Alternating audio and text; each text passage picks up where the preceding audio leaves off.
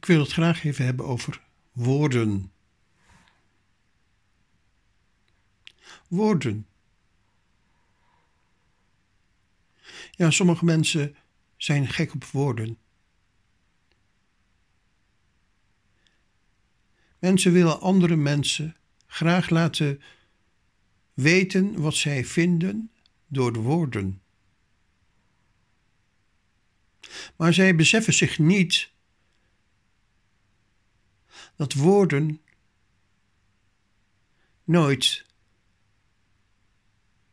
helemaal diep tot in de geest doorwerken.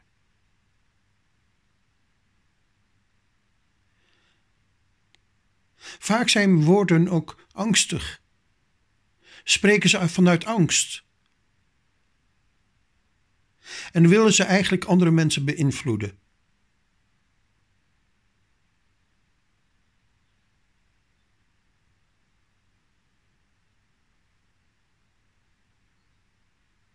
Waarom zijn mensen bang? Vaak zijn ze bang gemaakt door mensen die bepaalde woorden gebruiken.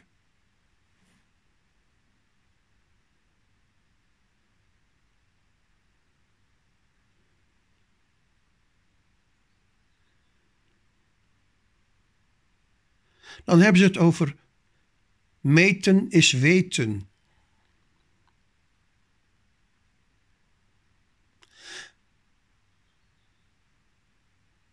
Ze zijn gek op rekenen. Zijn mensen die van algebra houden. Die het enig vinden om rekensommetjes op te lossen. En die daarmee graag andere mensen willen beïnvloeden. En waarom? Omdat ze geloven dat ze de waarheid spreken. Omdat ze geloven dat het een ander wel eens kan overtuigen.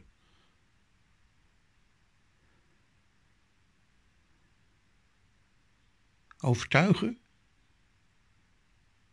Er zijn toch gewoon feiten?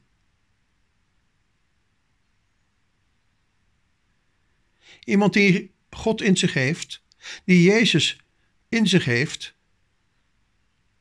luistert niet naar alleen woorden van mensen.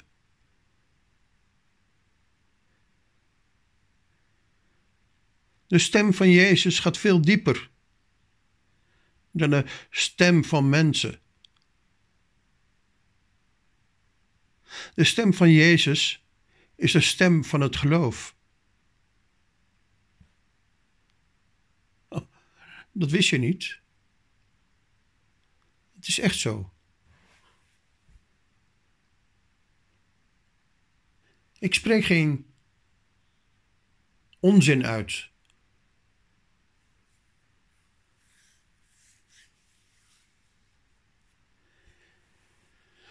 Ik was gisteren. Was ik een reactie aan geven.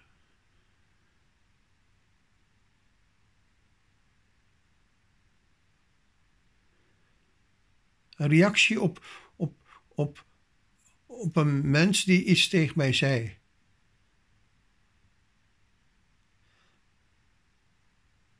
En niet eens meer begon met: Hoi Hans, hoe gaat het ermee? Hoe is het met jou? Nee, alleen maar feiten. Zakelijke, nuchtere feiten.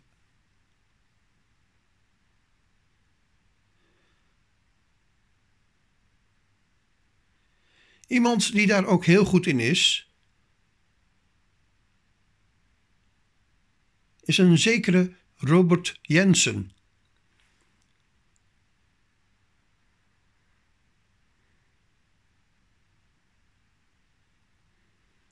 Ik heb gisteren begrepen dat er ook mensen zijn die, die soms in deze tijd van corona gewoon even gaan Jensen. Als een soort werkwoord. We gaan Jensen.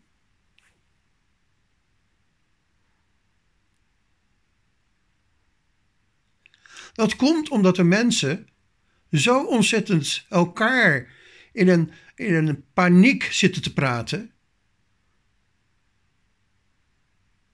Dat ze dat helemaal niet kunnen en willen geloven meer. Ze willen ook weer even een andere stem horen. Een stem die de stem van het waarheid wil vertegenwoordigen. Ah, maar dat is niet zo, daar klopt helemaal niks van. Nee, maar de feiten die hij laat zien, die vertellen echt wel wat. Oh, dan moet je niet kijken, joh. Dat, dat moet je gewoon niet willen. Ja, ik doe het wel. Ik kijk af en toe naar Jensen. Ik ga af en toe, zeg maar, Jensen.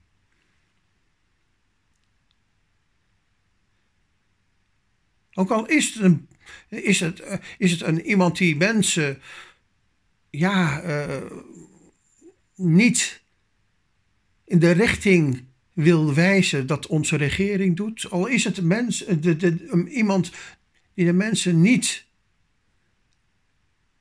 naar de mond wil praten. Nee, hij laat een tegengeluid zien.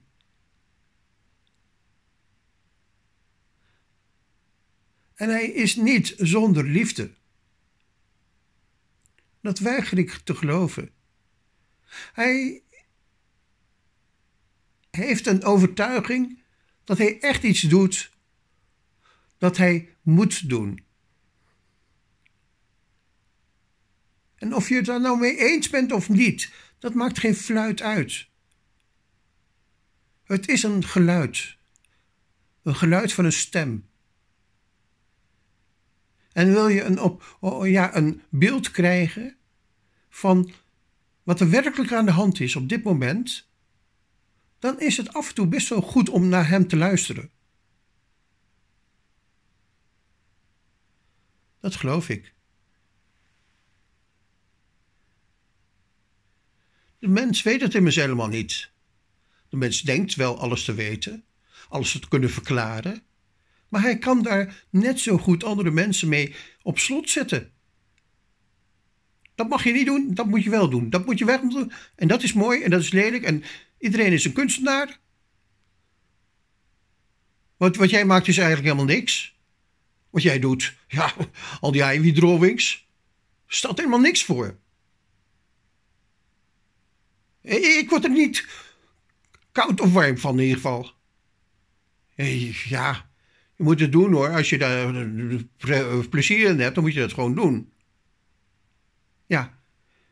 En toen ik, toen ik gisteren naar een paar geluiden luisterde van iemand die serieus naar mijn heimwithdrawings hadden gekeken, toen wist ik dat ze onzin spraken, die mensen. Dat ze echt iets vertelden om mij een bepaalde richting uit te praten. Ik, ik vernam hoe mensen toch een andere geluid lieten horen over de highway waar ik nog steeds helemaal in geloof. En waarom? Waarom geloof ik in een highway En geloof ik ook dat andere mensen ermee opgebouwd kunnen worden? Gewoon omdat het niet uitgaat van, van de menselijke gedachte. Ja, ik ben wel een mens en ik heb het wel bedacht, maar het gaat niet uit van een standaard menselijke gedachte. Het gaat mij erom dat de ander door gaat krijgen wat hij of zij is, wie of zij hij of zij is. En dan, dan kom je op iets anders uit. En dan ga ik niet oordelen over een ander. Ga ik niet iemand anders een bepaald gevoel bezorgen. Dan wil ik gewoon niet een ander een gevoel opzadelen. Dat een bepaalde richting uitgaat. Want juist daar gaat het verkeerd. Daar gaat het helemaal de fout in.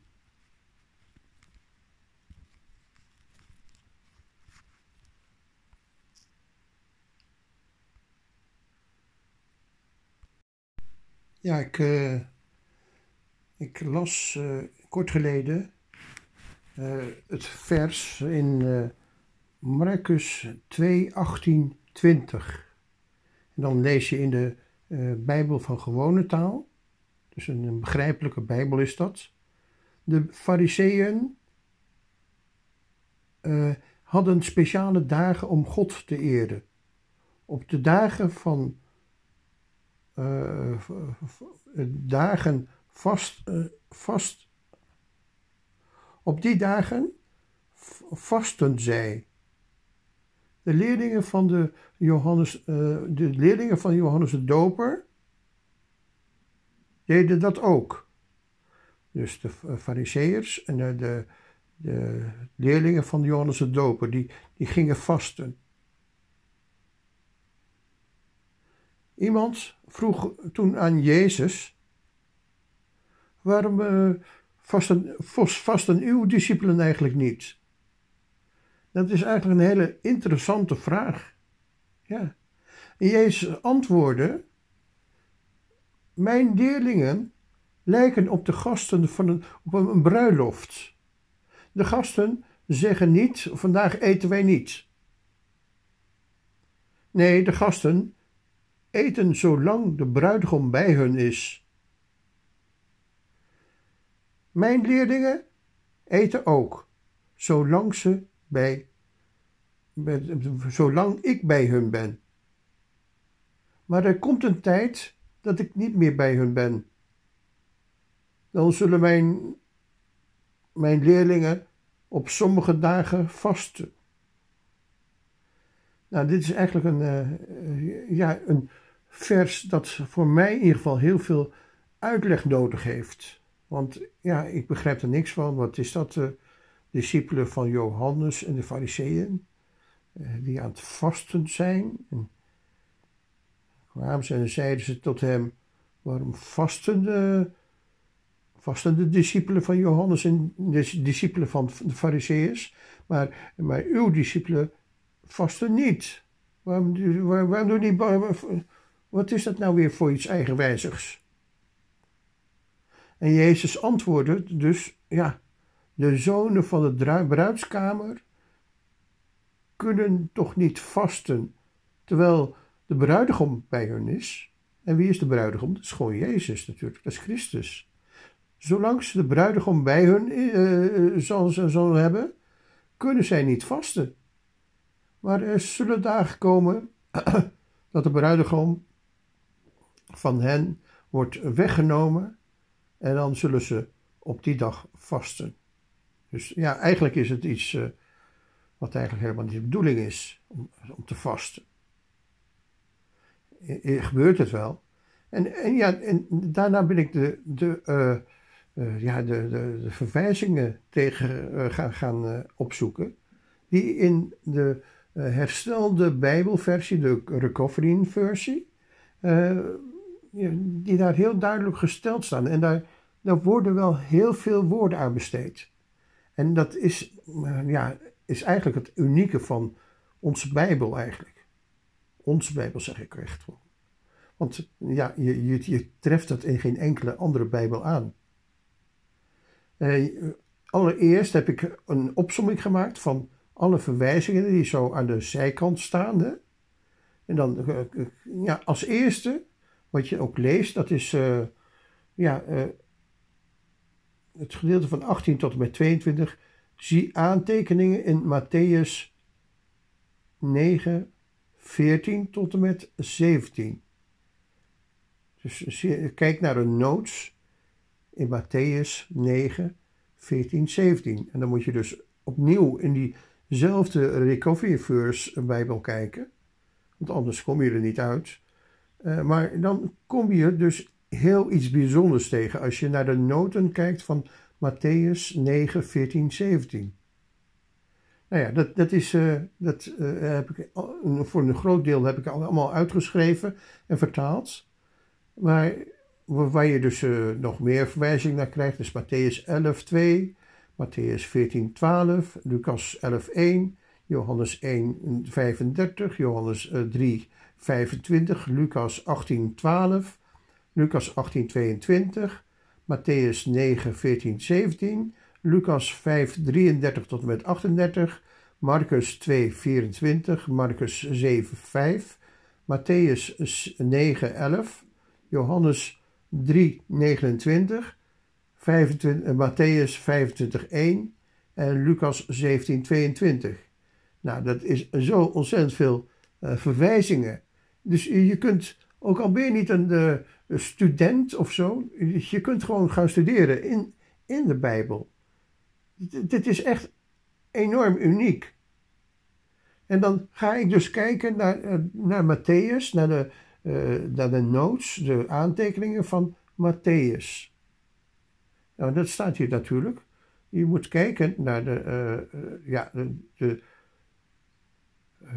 de, de, ja, de, hoe heet dat ook weer? De aantekeningen in Matthäus 9, 14 tot en met 17. Dat staat er heel duidelijk. Ja, dat, dat heb ik dus gedaan. En dan kom je eigenlijk iets uh, tot een tekst. Ja, dan, dat is verbijsterend.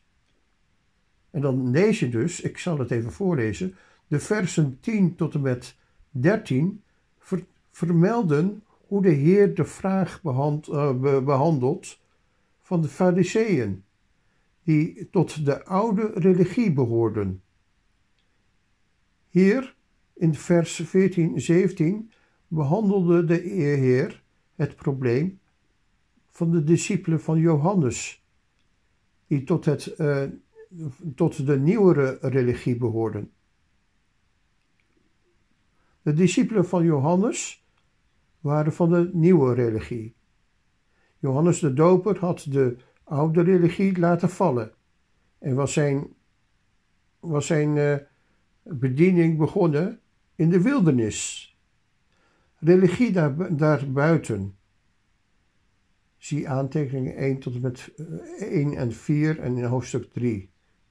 Dat hebben ik niet gedaan, maar, maar na korte tijd vormden zijn discipelen een nieuwe religie, die mensen ervan weerhield Christus te genieten. Oh, lees je dat? Maar na korte tijd vormden zijn discipelen, dus de discipelen van Johannes de Doper, een nieuwe religie, die mensen ervan weerhield om Christus te genieten. Dat kan toch niet? Ze, ze weerhielden uh, mensen ervan om Christus te genieten. Net zoals de fariseeën van de oude religie ook hadden gedaan. De bediening van Johannes de Doper was om mensen kennis te laten maken met, uh, met Christus, zodat Christus hun, hun redenkamer zou worden. Hun leven en alles. Sommige van, uh, van zijn uh, praktijken zijn echter een, een religie geworden. Te religieus is iets wat van voor God doen zonder Christus. En ja, dat, dat is natuurlijk heel belangrijk om dit je te realiseren. Te religieus doen is iets voor God doen zonder Christus. Om iets te doen, zelfs als ik geschikt ben in schriftelijke en, en uh, fundamenteel, uh, uh, ja, schriftelijke en, en fundamenteel zonder de presentie, present, presentie van Christus is religieus. Ja, hier krijg je dus een heel duidelijke uitleg van wat is dat eigenlijk, dat religieuze, waar, waar, wij ons in de kerk helemaal niet mee willen bezighouden. Zowel de discipelen van Johannes, die van de nieuwe tijd, uh, tijd uh, nieuwe religie waren, als de fariseeën, die van de, dus de oude religie waren, die vasten veel. Maar zonder Christus. Ze gingen vasten zonder Christus. Intussen veroordeelden ze uh, uh, de discipelen van Christus die niet vasten. Maar Christus, maar Christus bij zich hadden. Dus zij veroordeelden mensen die, die, die met Christus samen waren. En ze leefden in aanwezigheid, eh, die in, in zijn aanwezigheid leefden. De zelfzuchtige fariseeën, die van de oude religie waren, maakten er last van. Toen, uh, een, die ging echt veroordelen. Toen Christus zichzelf tot metgezel maakte van de verzamelaars en zondaars, die de fariseërs juist veroordeelden. De vastende discipelen van Johannes, die van de nieuwe uh, religie waren, dus je hebt twee soorten uh, religieuze groeperingen, uh, lees ik hier nou heel duidelijk, werden verontrust door de feesten van, van, van, van, Jezus Christus en zijn discipelen. Die, die kon er ook geen raad mee worden. De discipelen van de Heer in de, eh, in, in de overgangsperiode van de bediening van de Heer op aarde waren zijn discipelen, de zonen van de bruidskamer. Later zullen wij de bruid worden, zoals in Johannes 3, 29 en Openbaringen 19:7. En in de omgang met de zelf ingenomen en afwijkende fariseeën, eh, die van de oude religie waren, gaf de, gaf de knullige heiland aan dat hij een, uh, een, een,